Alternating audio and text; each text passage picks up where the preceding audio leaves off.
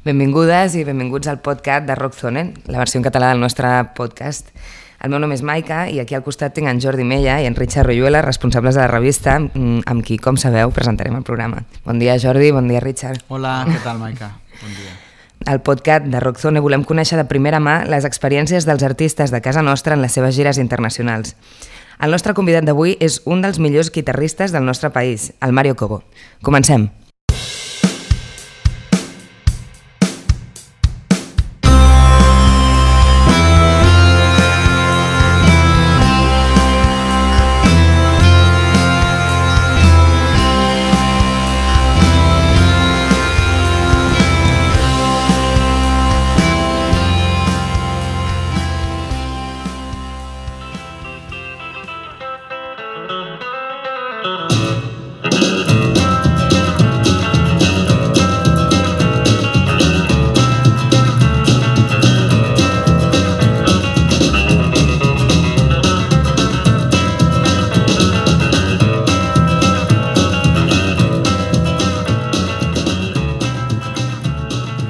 Mario Cubo va pujar per primer cop a un escenari l'any 1994 i des de llavors no ha deixat mai de fer-ho, ja fos amb la seva banda, The New Niles, amb la qual va editar sis discos, com a membre de Los Mambo Jambo en els seus primers anys de vida, o acompanyant artistes com Loquillo o la cantant americana Kim Lenz. El Mario ha fet de la seva guitarra la seva eina de treball i també la seva millor companyia. Al llarg de les tres últimes dècades, el Mario s'ha convertit en un autèntic expert en la música d'arrels americana.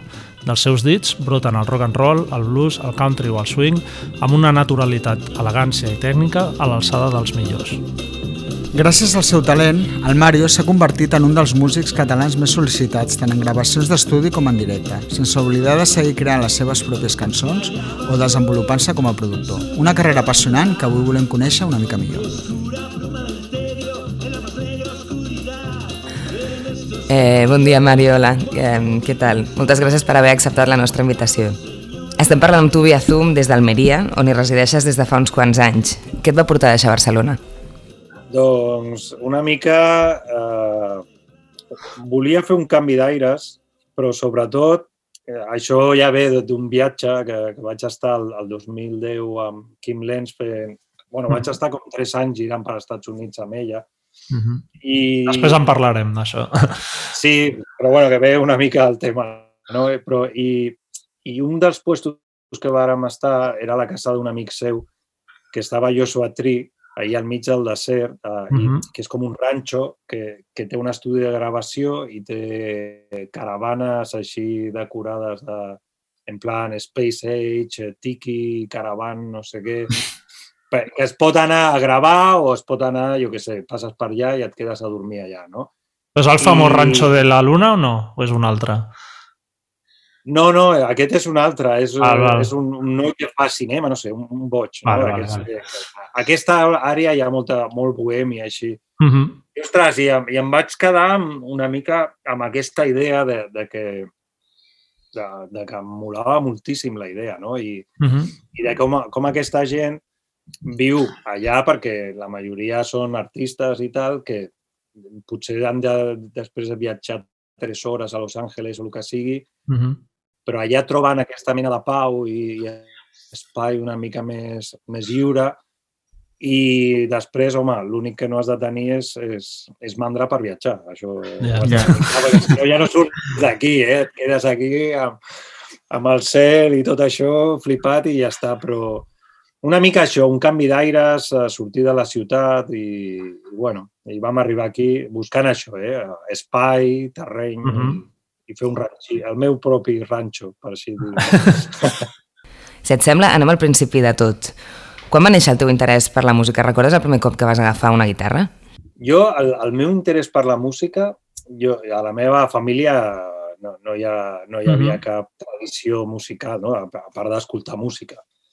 Però us podeu imaginar que s'escoltaven, jo què sé, Juan Pardo i coses d'aquestes de, dels pares d'aquella època, no? Però, però jo tenia a casa un, un Cosmos d'aquests, un, un pick-up de, de la meva mare dels anys 60, 70, suposo que era, i, i, els, i, i, i, i molts singles, no? Hi havia singles a casa, que suposo que eren dels guateques, o... és que no, no tinc ni idea, de, perquè els hi preguntava i ells tampoc sabien ja d'on havien sortit, no? Uh -huh. I hi havia de tot, no? Hi havia dels meus avis, dels tiets, no sé què, i jo, no sé, ja molt petit, jo potser amb 9, 10 anys, o potser abans, és que això ja no, no puc posar-li data, però em passava hores a l'habitació era com un, com, com un joguet. Jo, jo ficava els discos i, i, i feia seleccions. Supos, jo pensant, com, com a la tele hi havia aquests programes que havia el tocat, el no sé què, Uh -huh. en aquella època, i, i era el que tothom veia, que hi havia com hit parade, no? De, el, Sí. número, el número 5, no sé quin tema i tal. Doncs jo feia això amb els temes. I, i, i entre aquests discos, doncs, que encara tinc alguns, doncs tenia d'Elvis, no? Els Beatles, uh -huh. aquests típics, i, i també hi havia un de Slaughter and the Dogs, que, que aquest sí que no, és un misteri de com va aparèixer a casa meva. I, i tot això em flipava, o sigui, era, era, era la música que ja m'agradava en aquell moment. Uh -huh.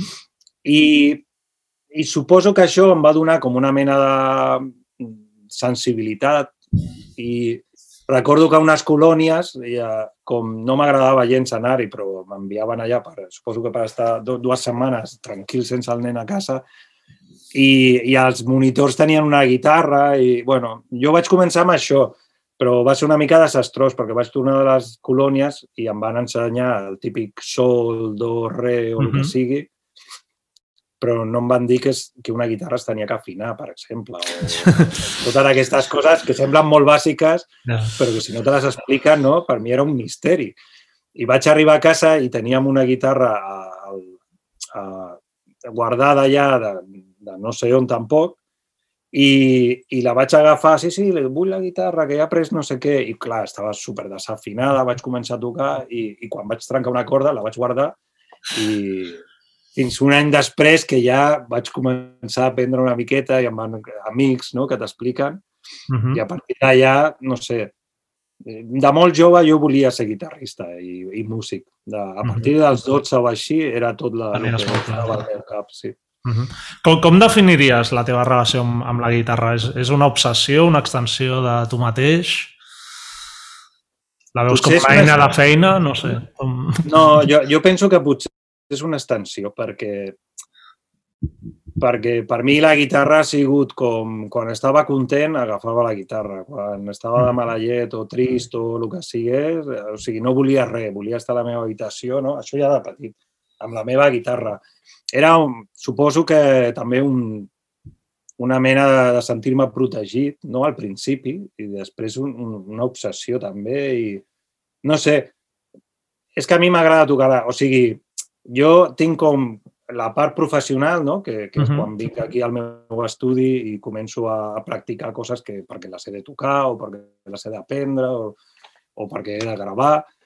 I després hi ha la part meva amb, amb l'instrument, que és que a mi m'agrada molt tocar la guitarra, o sigui, que m'agrada agafar un disc i, i, i tocar o, o, jo, o simplement tenir la guitarra a les mans mentre estic veient la tele. Uh -huh. I no sé, ja és, part, és una part de mi. Molt bé. Com dones el pas de tocar a casa teva per començar a tocar amb un grup?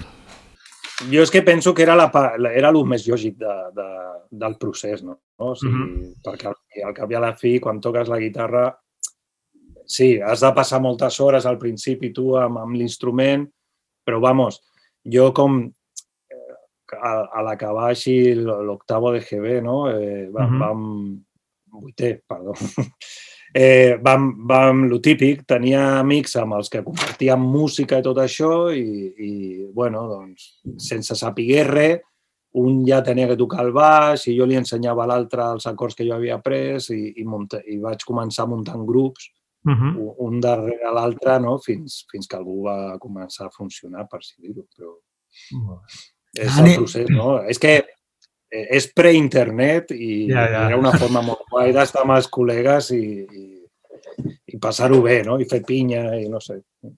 -huh. De fet, a nivell musical, se't coneix molt com un guitarrista d'arrels, de, de roots, no? que es diu... O... Què és el que...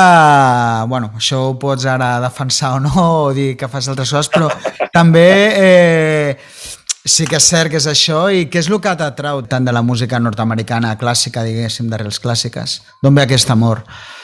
o sigui, quan vaig començar, jo vaig començar, a, a, a tornar una mica a això, amb, amb un grup que feia rock and roll, però rock and roll era molt genèric, no? I el meu grup, amb aquest grup tocava perquè tenien un local i, i si tocava amb ells em deixaven a, a fer els assajos amb l'altra banda meva, no? I la, la meva banda feia Little Richard, eh, Black Flag i, i jo què sé, Bad Cops. I, o sigui, fèiem de tot. De tot. El que passa és que a nivell guitarrístic, la part, la part més purament de l'instrument, clar, és molt més sofisticat. Eh, el rockabilly, per exemple, que és un, un gènere que està una mica així com, com que no té, té tant de crèdit no? entre -huh. la gent.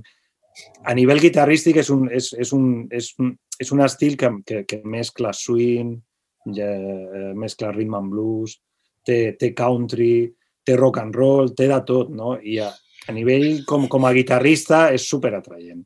Uh -huh. I, i, a, i, a, i, a, I després això et porta al Django Reinhardt, et porta al Charlie Christian, et porta a moltes coses, no? També del 60 al surf.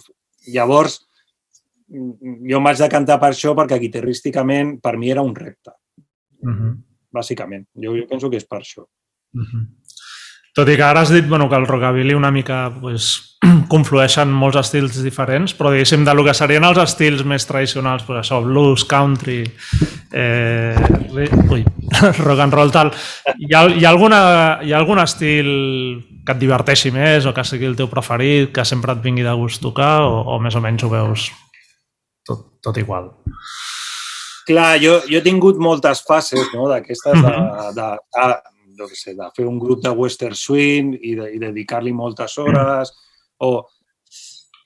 És difícil. Jo penso que ara el que més m'agrada és fer eh, la meva música, perquè al, al cap i a la fi és, és el mix de, de tot, tot això. No? no? Uh -huh. Clar, perquè en principi sí, sí que m'ha agradat molt fer això de... Ara faig una banda de rhythm and blues eh, de, de la costa oest de, jo què sé, de Los Angeles, dels anys 40-50. Per mi era una eina per, per, per aprendre i passar-me dos anys comprant discos i, i, i aprenent, no? Hòstia, aquest tio feia això i aquest no sé què. I... Però, però clar, al cap d'uns anys i tot i que m'agrada tornar a aquestes coses, eh? m'encanta mm -hmm. anar tornant i revisant. I... El que més m'agrada és, és trobar com la meva veu dintre de, de tot això, no? Mm -hmm. ja? perquè això és el que ara mateix em sembla més, més, més divertit. Mm -hmm. Perquè l'altre l'altre m'encanta, però no deixa de ser un exercici d'estil, no? per mm -hmm. així dir-ho.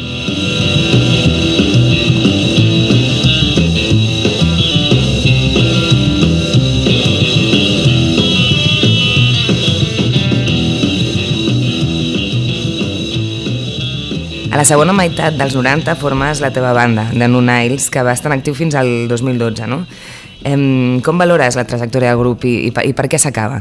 Jo, jo penso, jo, no sé, jo la trajectòria dels New Niles és, és la trajectòria de la meva carrera musical, bàsicament, perquè mhm. -huh. va, o sigui, va tenir moltíssims canvis de formació i una mica, i segurament el problema de que no es va consolidar més és que anava una mica amb els, els meus canvis d'interessos, no? que el primer disc és super rockabilly tradicional, el segon ja és com més pop dels 50, el tercer ja volia trencar i vaig fer un mig punk rock i, i jo, jo anava així com buscant amb, amb, amb una idea molt romàntica de que l'artista ha de fer la música que, que vol i no, i no la, la, la etiqueta que porta a sobre. No?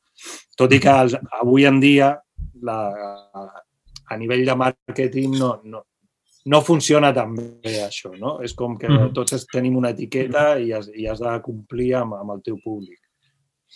Però, i la durada de, de la banda, és que jo, no sé, jo per mi l'ideal és, és, és el que venia sent fins als anys 80 o així, que les bandes mm -hmm. duraven 6-7 anys i, i, i no eren vejestorios mai, no, la vida. Yeah.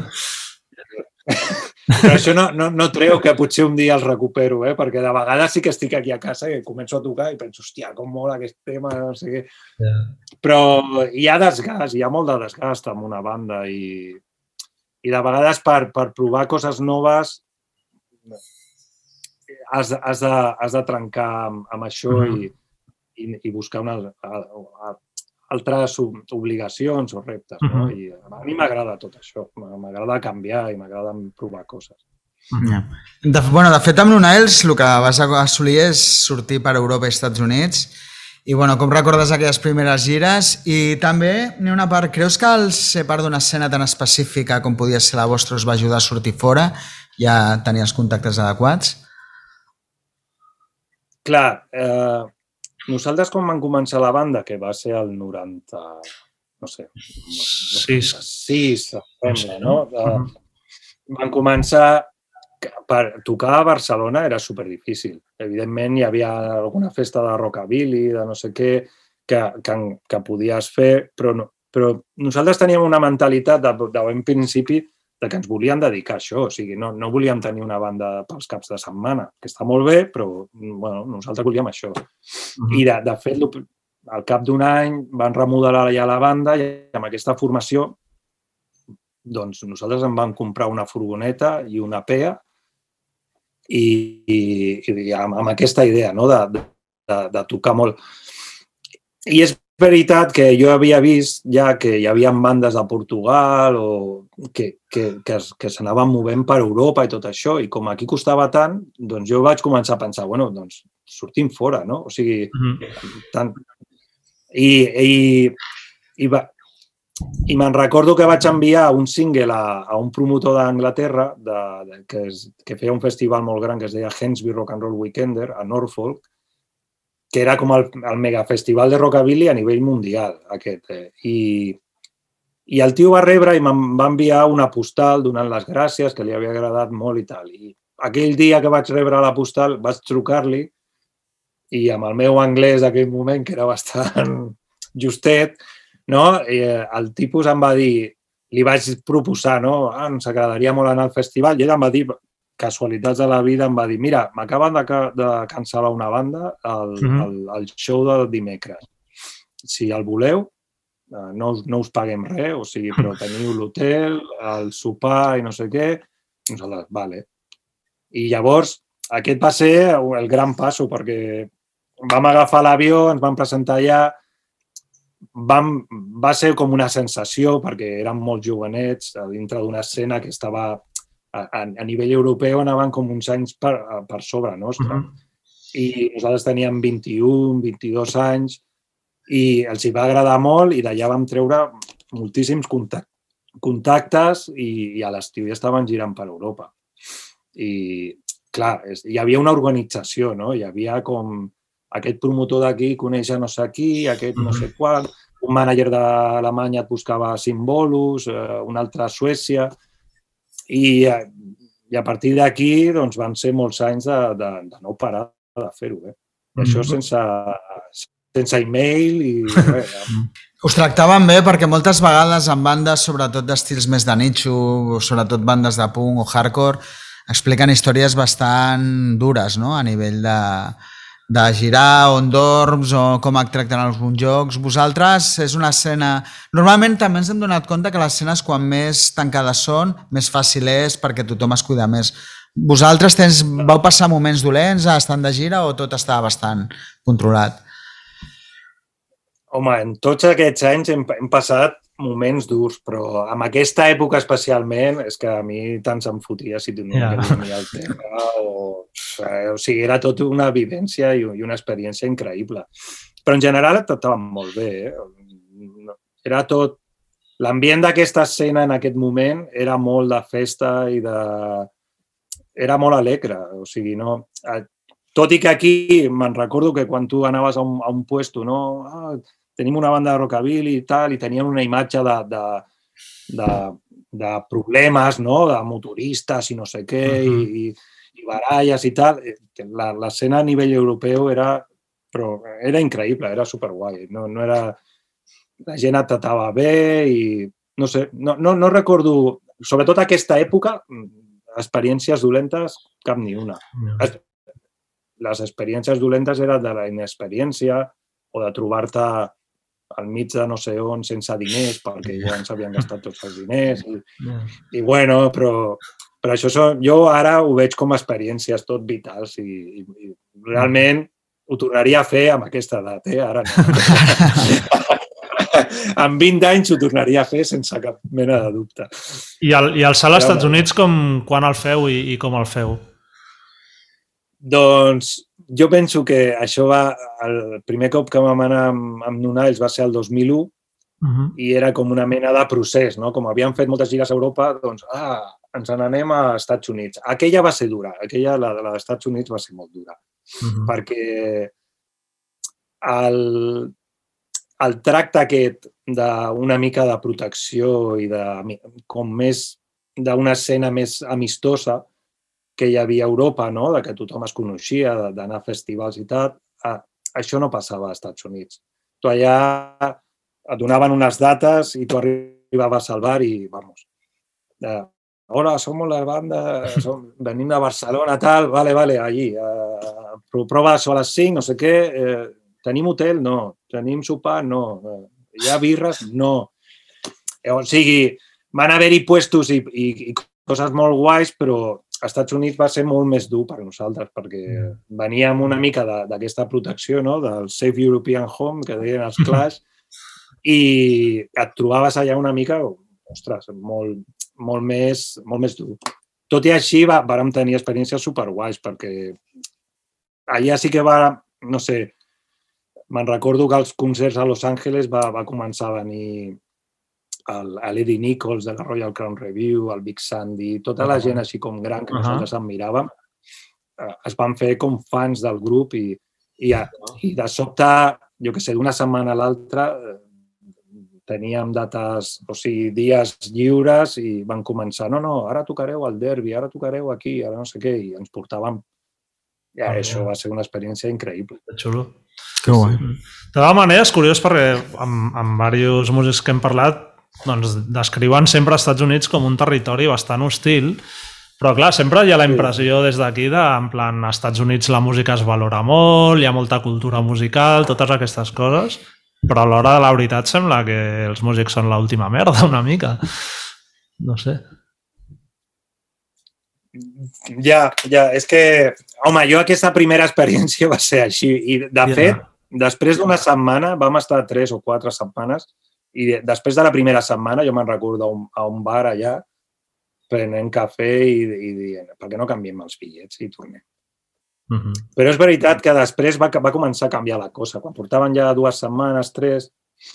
A veure, nosaltres al principi anàvem així, eh? anàvem a, a un motel, anàvem dos a agafar l'habitació i ens metíem cinc i dormíem tots al mateix llit. I, motels d'aquests de pel·li de terror. Yeah. Però clar, clar eh, és que allà la, el, la música és, és no sé, és, és, és una feina, no? Eh, potser yeah. no, és, no és tant com a Europa, que és...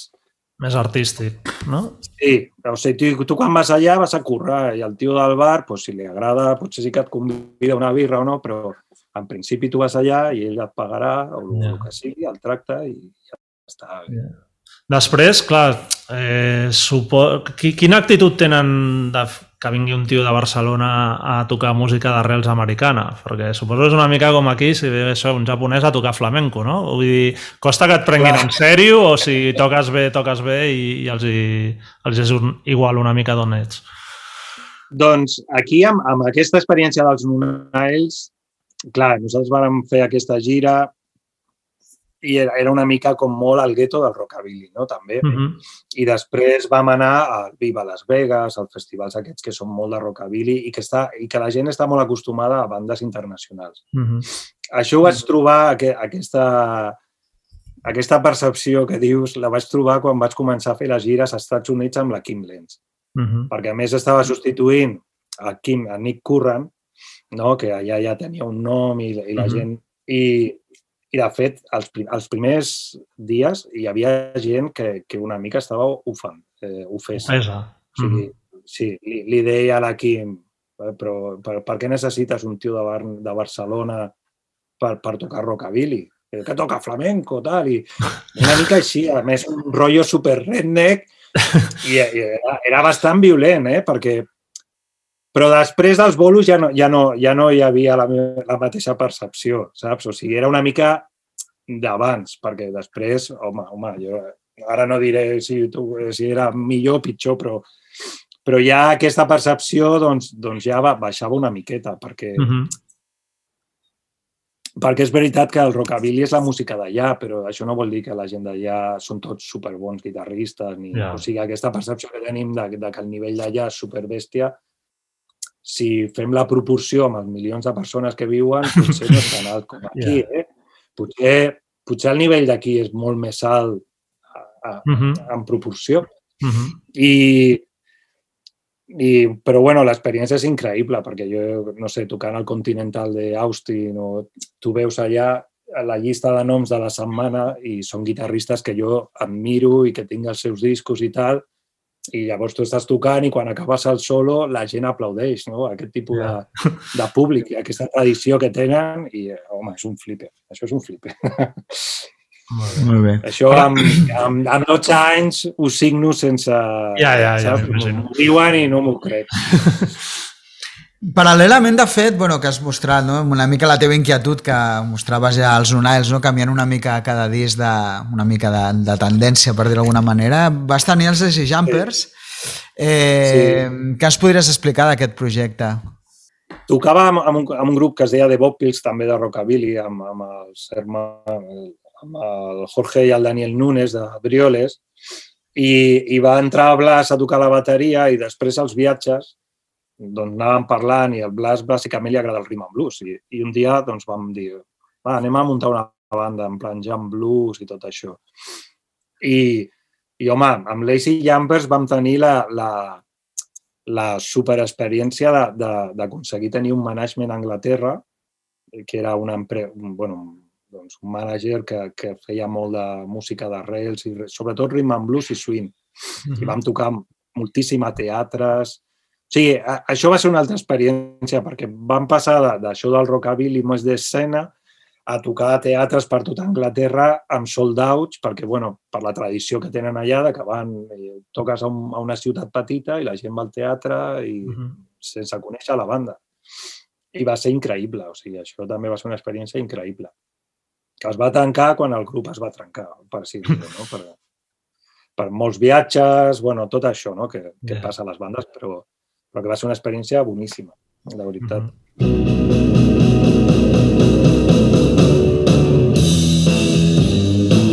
You're in my orbit, can't you see?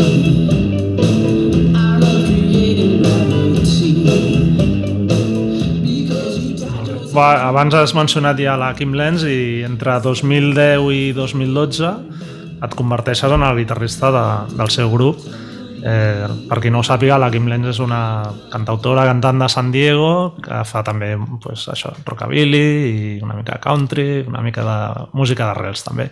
Com, com vas conèixer la, la Kim i com et planteja diguéssim que, sigui, que, que formis part de la seva banda, fa... més que res perquè la gent ho sàpia també, en plan, t'ofereix un contracte, per exemple, Sí. o vas en plan autònom i ja veurem què passa, com, com funciona una mica? No. bueno, jo, jo vaig conèixer la Kim Lenz a un festival que hi ha a Calafell, que es diu High Rockabilly, Uh -huh. i, i ella estava com, con- tenia un contracte o alguna per anar a aquest festival, però un any abans va ser mare i ja havia deixat com de tocar, no? I ella tenia la seva banda als Estats Units, però no, no, no, no feia bolos. Amb... I una mica per compromís, doncs va dir que venia i el promotor li va dir que, que li posaria la banda. Uh -huh. I una mica ella va venir una, amb, amb aquestes expectatives, perquè me'n recordo la primera assaig va ser una bogeria, no? perquè venia amb, en plan sargento a tope, no?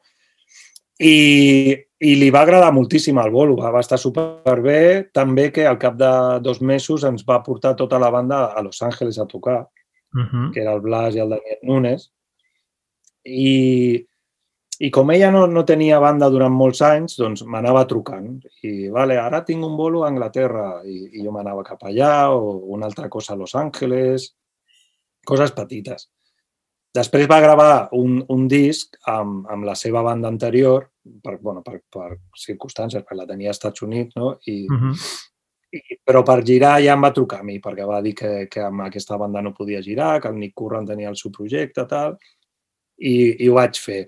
Però no, no anava en contracte ni res, o sigui, anava amb la Telecaster, la, la desmuntava i la portava a la meva a la maleta, la portava i, i Entraves com a Això turista i... Sí, sí, i sí, punto. com a turista. I després ni això, perquè ja va- vaig començar a anar com cada dos mesos, cada tres mesos, i anava amb res, amb, amb unes samarretes i, i poc més. O sigui, i allà ella tenia un ampli superguai per mi, una guitarra, o sigui, ella em va fer un backline allà i jo anava a tocar amb ella i, i jo què sé, vaig tenir sort i no, no li donava la gira com, com per fer el contracte i tot això, que, Ja. que és la veritat, és que tot el, aquesta burocràcia és caríssima. Ja. Mm, Quin perfil d'artista és ella? Ja? O sigui, és una artista popular, o sigui, una mitja de gent per nit que podia ser. Imagino que com aquestes jazzpars n'hi ha nits amb poca gent, però quin, quin perfil és realment la Quin Lenz allà als Estats Units?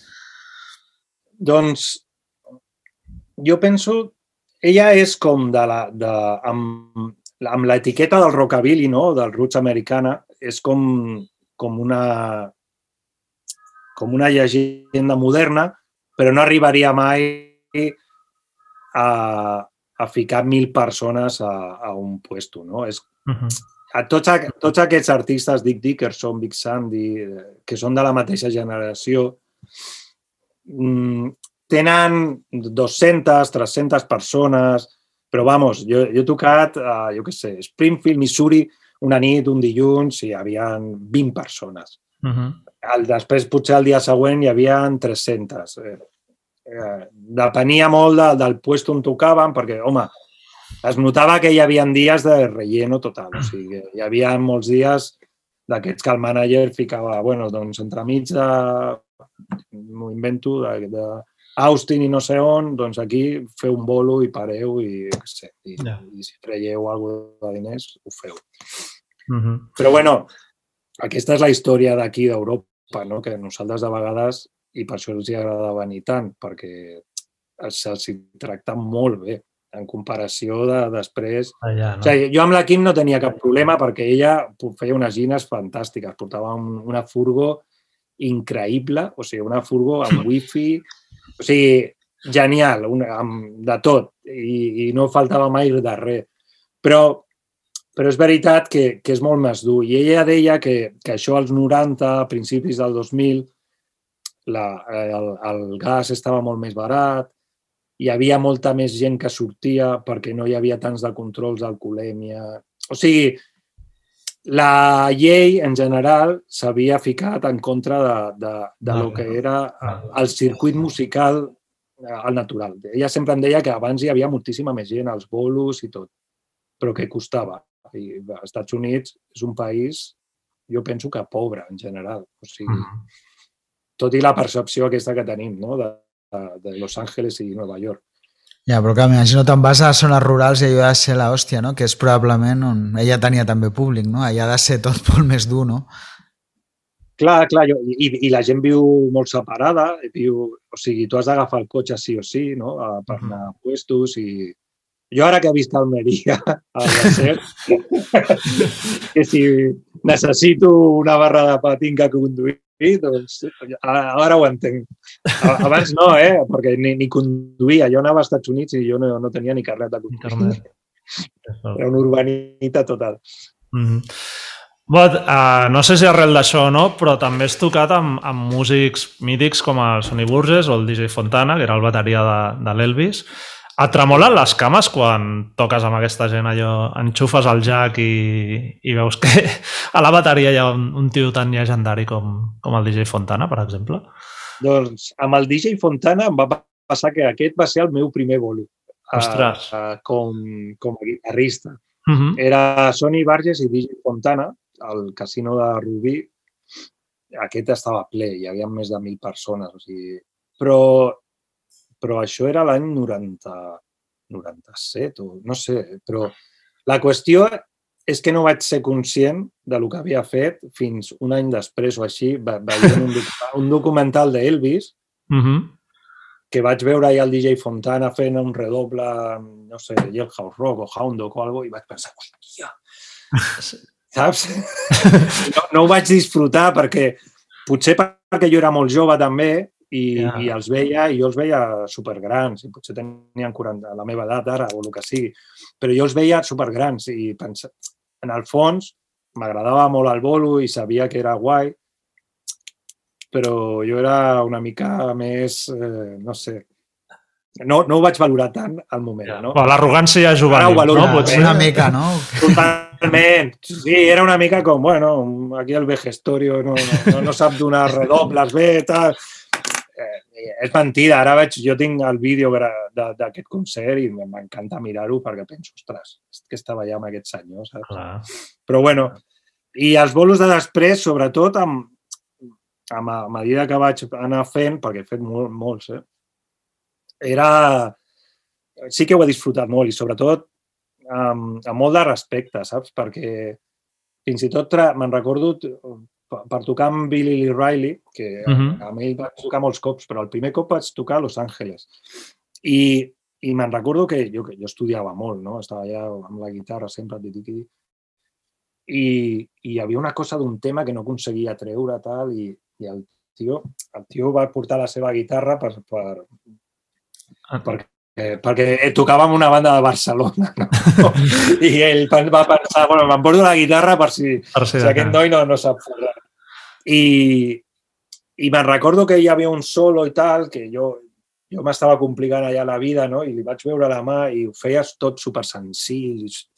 I no sé, i vaig aprendre molt amb, amb aquest home i, i, i me'n vaig adonar que, que jo, possiblement, jo o la gent de la meva edat, hem sigut els últims que tenim a- aquesta connexió, perquè jo la majoria d'artistes amb els que he tocat d'aquesta època ja no, ja no hi són. Ja no hi són. Uh O -huh. sigui, és, és aquest el contacte. La, no sé, si un noi d'aquí 20 anys li dona per investigar, és que no, no té cap connexió Ja, tan propera, no? O sigui, la, Mhm. ha de ser ja de segona mà.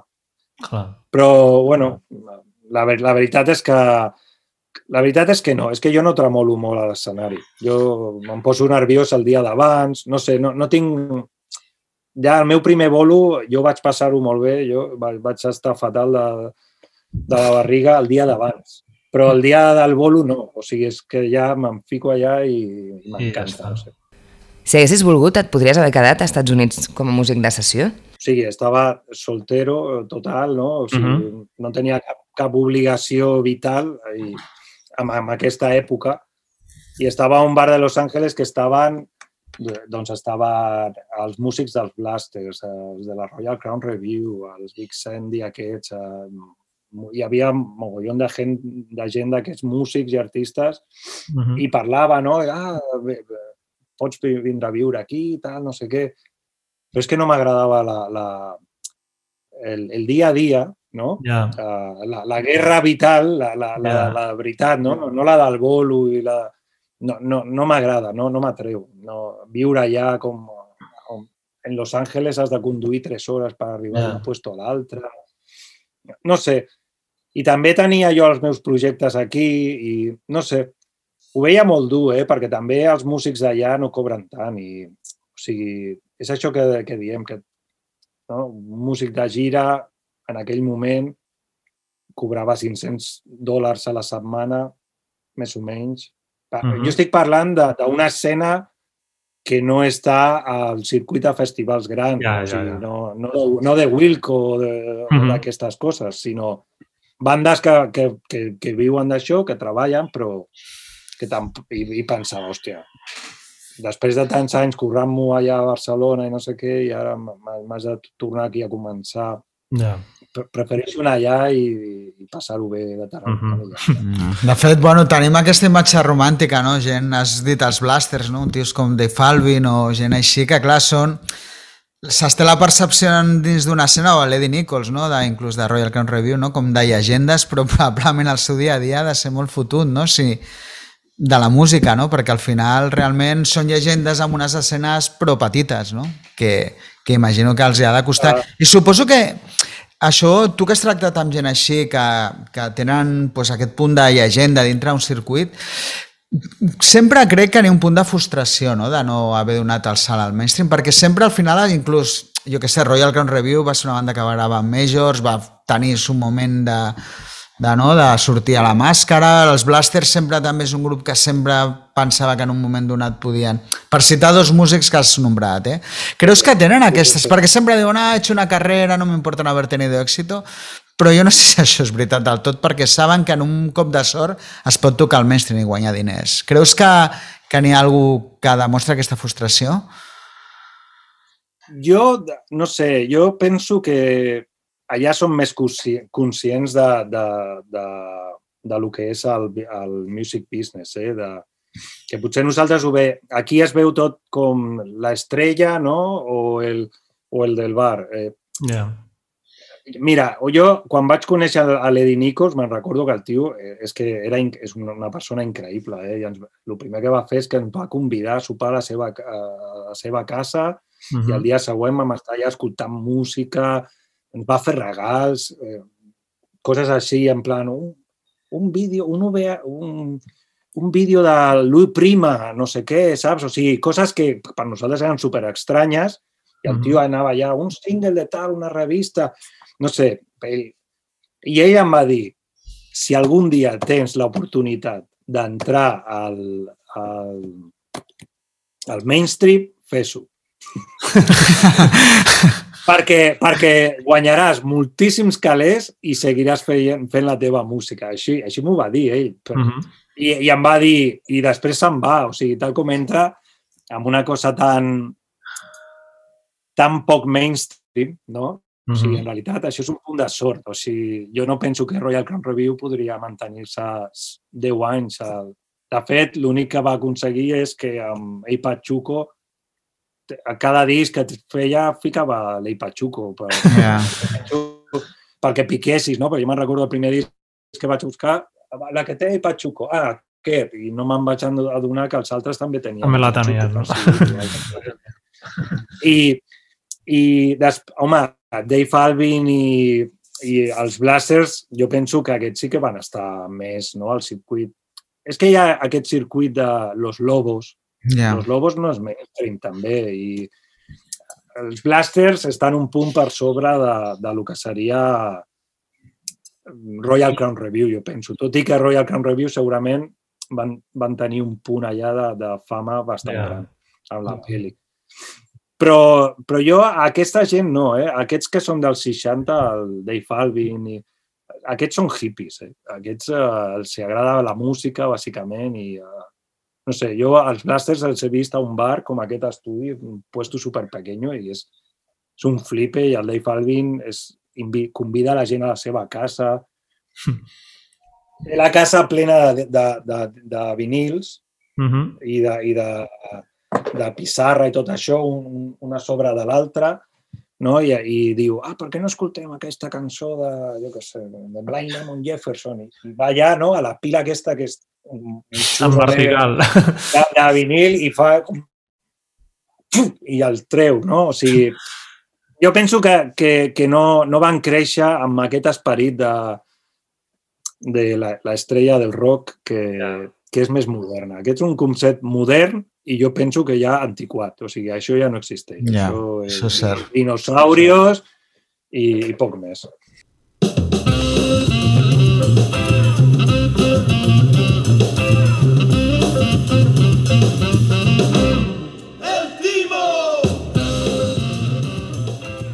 comentat que no un dels motius bueno, de la vida que no t'agrada era que bueno, ja havies construït a Barcelona com una identitat, una carrera.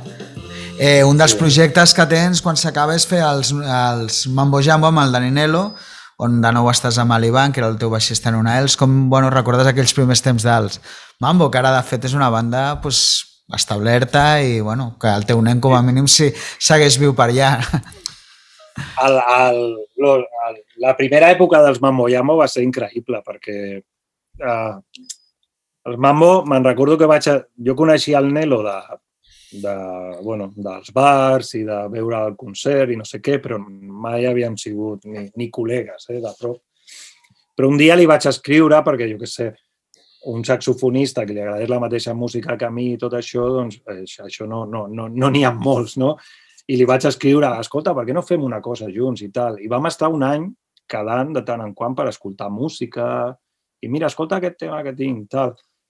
I després vam muntar la, la, la banda, el normal era això, el contrabaixista va a l'Ivan, que ja tocava els Lazy Jumpers i els Nunails, i ell va, i ell va posar el, el bateria, no? per així dir-ho.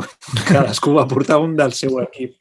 I, I vam fer un concert, el primer concert el vam fer a, a, a un teatre, al Teatre Aribau, em sembla, no sé, un- va ser un, de- un desastre de bolo increïble, eh? Sí. O sigui, sí, sí, poquíssima gent i a més nos, nosaltres com, com allà superestàtics, no sé.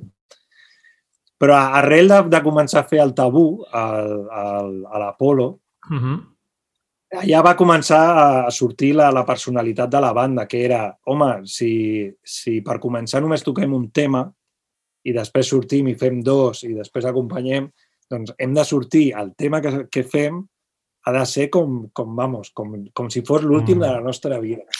I d'aquí van començar a fer aquesta actitud de, de bolos superenergètics no? que, que després va agradar tant a la gent. Uh -huh. Amb els Mambo vam intentar... No, de, de sortir fora vam fer, vam fer el, el Reading Riot a Anglaterra, em sembla dos Mhm. anys.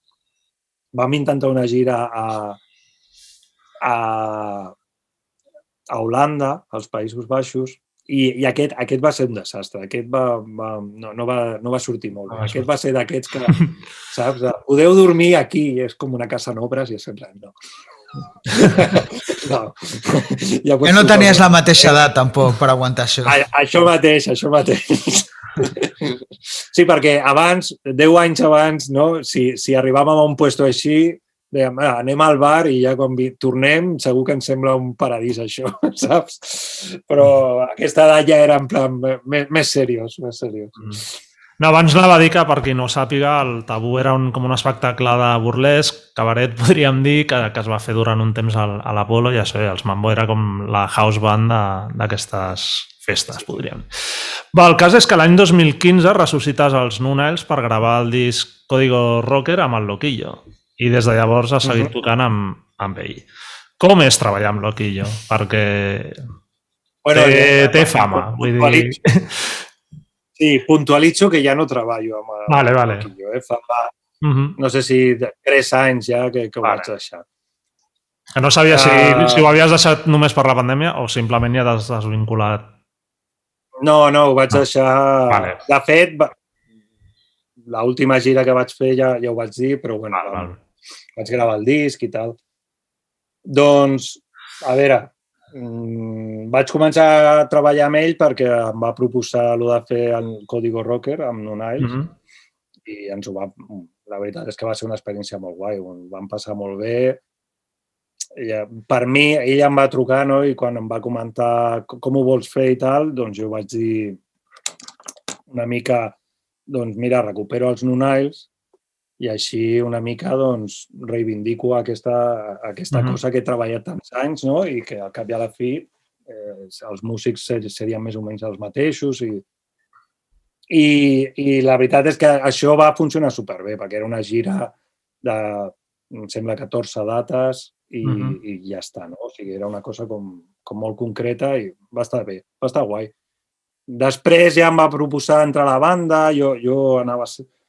O sigui, no sé si ja o no, però ja m'estava mudant a Almeria, anava a tenir el meu primer fill, no sé què, i vaig pensar, doncs mira, sempre havia pensat que si algú, algun artista així una mica gran em proposés fer una gira, diria que sí, per tenir l'experiència. O sigui, L'entrada al mainstream que fora de- deia...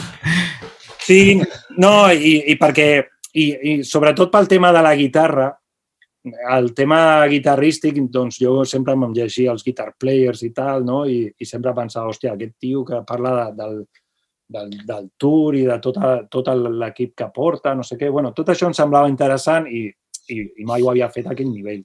Mhm. I, i bueno, vaig acceptar, i, però bueno, clar, jo com a músic, aquesta faceta de tenir un compromís amb, amb, amb per així dir-ho, amb un altre artista per desenvolupar la seva carrera, però Mhm. deixar tot el meu, eh, no, no, no, he pogut, no ho he sabut fer. O sigui, no... De fet, la meva millor decisió va ser de deixar-ho. O sigui, Mhm. fi, al a la fi de tota l'experiència, per mi, és, és deixar una cosa que a ulls de la gent en general és com, ostres, eh, és, és un- una mica el, el cuento de la, de la iaia, no? De, Mhm. això és un treball segur, nen, no sé què, Ja. tal, però, però jo porto tota la meva vida fent la meva música i, i sí, tocant amb gent i tot això, però sense, sense aquesta capacitat de, de deixar de fer el meu, no? I, Mhm. Bueno, ha estat bé, però ja, ja, Ja està. està. Molt bé. Bueno, i res, ah, parlant ja una mica de la teva actualitat, el 2018 vas treure el teu darrer en solitari, Almeria Gongai, eh, Sí. és bastant no, autobiogràfic no, el títol. Sí. I, I quins plans tens? Estàs treballant un material? Eh, què tens pensat? O sigui, cap a on què podem esperar Mario Cobo ja postpandèmic, esperem? que podem? Doncs el més sorprenent no, no ho puc contar perquè, perquè penso que donarà mala sort, perquè sembla que estàs... Però estic fent un parell de projectes i fins i tot estic fent un solitari meu, o sigui, per mm. tocar jo sol a, a l'escenari. I, I a curt plaç és que estic fent moltes produccions també, Mhm. estic fent produccions amb... I al, al juny, a l'Screaming Festival, per, uh, tornarem als Lazy Jumpers per, per un, un concert, en principi, Ah. i farem un altre amb, amb toc, tornaré a fer a tocar amb la Kim Lenz, que ve, ve aquesta, al juny també. Això d'aquestes coses. De, de l'altre, amb, amb tot això de la pandèmia, és veritat que potser he tingut massa temps per pensar. I, i, i, i m'he ficat a, a fer coses allà i a provar moltíssimes coses. Llavors tinc com 3-4 coses allà que les estic treballant a, a l'hora, però que tampoc puc dir faré això, faré això, saps? O sigui, ho tinc per, per allà, per, per quan ho tingui acabat, però, però que no... Vull treure temes, també. O sigui, vull anar tra- traient temes, que vaig traient singles d'aquests eh, digitals i coses així, perquè m'agrada molt, però, però no sé, no et podria dir ara si... A, a part d'això que us he comentat, no, no, no. No. no puc dir ara faré una banda que es diu Els Mhm. Raïms, i no sé. Mhm. No tinc cap cosa així superclara per, per promocionar. Tens, tens idea de fer alguna vegada en algun moment allò, treure la teva part jove quasi punk i tornar a fer un disc o alguna en plan com vas fer al principi dels Nunaels? Jo, de, de fet, a la part aquella de l'Oquillo ja és en plan més personal. Em van, jo us vaig veure com vau tocar el Raz i em va semblar Sí. un concert increïble, no? Semblava que tothom estava visquent com una, una, una, una antiga joventut, no? Realment poder tocar aquells temes sense cap tipus de, de compromís i tal. I crec que encara quedava molt, molta música, molt punk, molt, molta força en, en aquells músics, no? Inclu, incluït el propi Loquillo, que crec que va ser part una mica de, de rescatar una mica aquella part més jove. Et veus en algun moment tornant a fer una... Tot i que et vas fent gran i, òbviament, és aquella urgència juvenil, no? tant del rockabilly o del punk, que és d'on vens, eh, és Sí. difícil agafar-la, però creus que algun dia passarà a veure uns Nunails fent una gira de rockabilly puro i duro?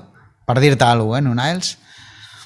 Doncs no, no m'importaria, eh? I, I us he de dir que, que també són coses que, que, que tinc al cap, perquè, clar, jo sempre he tingut aquesta idea, que és molt punk, no?, de que a certa edat ja un ja ha de parar, però és, és, és veritat que, que també cadascú és com és, o sigui, és, és el que us comentava, no?, que jo d'ara, que aquest any, amb Buen Ritmo, hem fet la reedició en vinil del, De l'àlbum. de l'àlbum Sen Rendición i com ho, ho vam tornar a masteritzar i preparar pel disc i fins i tot vaig, vaig recuperar les mescles, coses que feia molt de temps que ni escoltava. I llavors agafava la guitarra i po- posava a tocar i, i pensava, hòstia, que guai és aquest tema, no? no sé què, recuperant coses. I de fet recupera sensacions i sí que m'agradaria molt, eh? Sí que m'agradaria molt, Mhm. per així dir-ho, en algun moment, perquè al cap i a la fi aquesta és la música que un porta dins, no? O sigui, és a- aquest single de Slaughter and the Dogs Mhm. que, que quan jo de, vaig al col·le no, amb el nen escoltant la banda sonora de Bob Esponja i quan, i quan baixa i pujo al cotxe em fico allà Slaughter and the Dogs o Rancid o els Stray Cats o, o jo què sé, o, o Elvis o el que sigui a tota llet del cotxe no? i torno al, al meu estudi una mica no? com, vale, aquest sóc jo, no? Ja. Eh, soc el pare, eh, eh, tinc la meva família, no sé què, a la casa, però aquest, aquest jo conti- continua Segueix estant. allà, fet, amb, amb, amb els meus concerts que he fet fins ara com a Mario Cobo, doncs jo, jo intentava recuperar aquesta energia i, i, i esperit no? de, de poder fer, jo què sé, un tema dels Badcocks i de, de Hank Williams. Mhm. Perquè això és, aquest, aquest és, aquesta és la meva música, en realitat. El que Ah, que, és que... encara, que encara no ets tan vell, eh, tampoc. Ja. Ara, No, no, es per això, per això, per això, però clar, després veus els grups i, home, els grups aquells an- anglesos que tornen, que, que sembla que surten del pub amb, amb Sí. les balbotes. I, i, No, això no, però- Et conserves bastant millor. gràcies. Sí, sí, sí. Però sí, no, no, és, no és gens descartable. Molt bé. Molt bé. M'agradaria. Quins consells donaries a músics o bandes d'aquí que comencin i que vulguin anar a tocar fora? si tens aquest, aquesta ambició no, a la vida Mhm. o aquesta expectativa o aquests somnis, el primer és la música. Saps? O sigui, Mhm. i tot això et donarà també una vivència. Evidentment, hem, tots hem de menjar, tots hem de tenir un puesto per dormir i fer les coses malament tampoc t'emporta en joc. Però, però tot això que es parla no, de, de, de dormir al terra un dia o no sé, és que... No passa res, no? No, és que no passa res, és que vi- vivim en un món que, que sempre ens estan venent la part bona de tot, no? O sigui, fins i tot, jo què sé, jo aquí a l'estudi doncs tinc allà un mogollon de coses de com estem d'obres fa un any a casa, Mhm. doncs això no surt mai a les fotos d'Instagram. Sempre es trec la paret aquesta on tinc els meus pedalets i, i és tot molt maco. Ja. I la, la vida és així. I, I jo penso que el que s'ha de recuperar al rock and roll i, i al rock i en general és una mica el- l'esperit aquest de, de, de lluita, de, de que, de que s'ha de fer, o sigui, s'ha de fer un camí per, per arribar a no sé on. I, Mhm. i està molt bé les redes socials i tot això, però si no surts a tocar, si no sur... jo a, ahir estava amb un alumne de, que li, li faig classes així per Skype Mhm. i ah, és que no sé, tal, i eh, fins que no va, comencis a fer bolos i, i, i, i frustrar-te o, o no, o passar-t'ho superbé després d'un bolo i que passi el que sigui, no, no tindràs aquesta experiència ni aquestes ganes de contar coses, saps? Perquè Clar. Perquè és una tradició, o sigui, perquè, mira, ara faig un salt, no? però amb el Mm. Billy Riley, no? jo, jo quan feia rockabilly més tradicional i estava més obsessionat amb, amb aprendre molt això, doncs què feia? Que jo m'aprenia els temes de, de sencers, nota a nota, eh, els solos, les intros, tal. I ell em va dir un dia, no, no, si nosaltres mai fèiem la cançó dos cops igual, si anàvem a Sun Records i ens fotíem allà a veure vi barato i, i, i fins que ens caiem al terra ja que no podíem ni tocar. I així gravàvem, o sigui, mai repetíem les coses i no sé què, i no li donaven cap importància a l'equip, a no sé què, Ja. saps? Era més l'espontaneïtat, no? De... I, I això jo penso que és el que s'ha de recuperar, no? Una mica que el primer ha de ser la música i, i el, la comunicació, connectar amb la gent i passar-ho bé. Que Mhm. tot el que més és, és una mica superficial. És en el món, portat al món actual. Ja sé que és un altre món i una altra era i un Ja. altre segle. Molt Però bé. això seria el meu consell. Passar-s'ho bé. Fins i tot quan t'ho passes malament, no? Passar-t'ho bé. Bueno, pensar que, que si surts d'aquesta, surts més fort, no? I, I tens alguna cosa per escriure un tema o, o una experiència que contar. És que Per explicar. coses Sí, al moment són molt tràgiques, però després jo me... et rius molt, eh? Saps? De-. Després et recordes que allà amb la banda... Te'n recordes quan estàvem allà tres dies a un garatge perquè es va trencar la furgo? Al moment és una merda, però després és, és una cosa superguai. Dale, doncs eh, avui fins aquí. Moltes gràcies, Mario, pel teu temps i, i també a tots vosaltres que ens escolteu. Vinga, Gràcies, Adéu. Mario. Adéu. Adéu. Adéu.